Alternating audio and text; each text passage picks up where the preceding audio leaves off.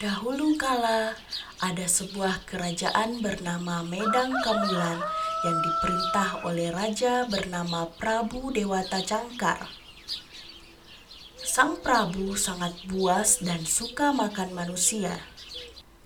Setiap hari, sang raja memakan seorang manusia yang dibawa oleh Pati Jugul Muda. Sebagian kecil dari rakyat yang resah dan ketakutan mengungsi secara diam-diam ke daerah lain.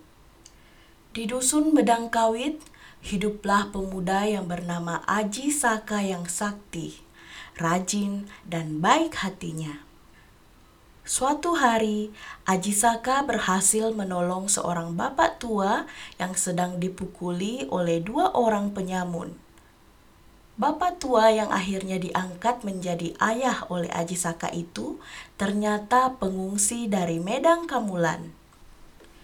Mendengar cerita kebiasaan Prabu Dewata Cangkar, Aji Saka berniat menolong rakyat Medang Kamulan. Singkat cerita, Aji Saka tiba di Medang Kamulan yang sepi. Sementara di istana, Prabu Dewata Cangkar sedang murka karena Pati Jugul Muda tidak membawa korban untuk sang Prabu.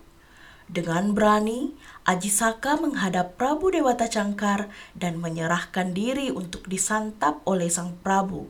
Namun, Aji Saka meminta imbalan berupa tanah seluas serban yang digunakannya. Saat mereka sedang mengukur tanah sesuai permintaan Aji Saka, serban terus memanjang sehingga luasnya melebihi luas kerajaan Prabu Dewata Cangkar. Prabu pun marah setelah mengetahui niat Aji Saka sesungguhnya. Namun, dengan sigap, Aji Saka melilit kuat tubuh sang Prabu yang kemudian dilempar ke laut hingga hilang di telan ombak. Aji Saka kemudian dinobatkan menjadi Raja Medang Kamulan serta memboyong ayahnya ke istana. Berkat pemerintahannya yang adil dan bijaksana, Aji Saka mengantarkan kerajaan ke zaman keemasan. Cerita ini mengajarkan untuk menjalankan amanat hendaklah dilakukan dengan sebaik-baiknya, sebab orang yang memegang dan menjalankan amanat dengan baik akan mendapatkan kehormatan di kemudian hari.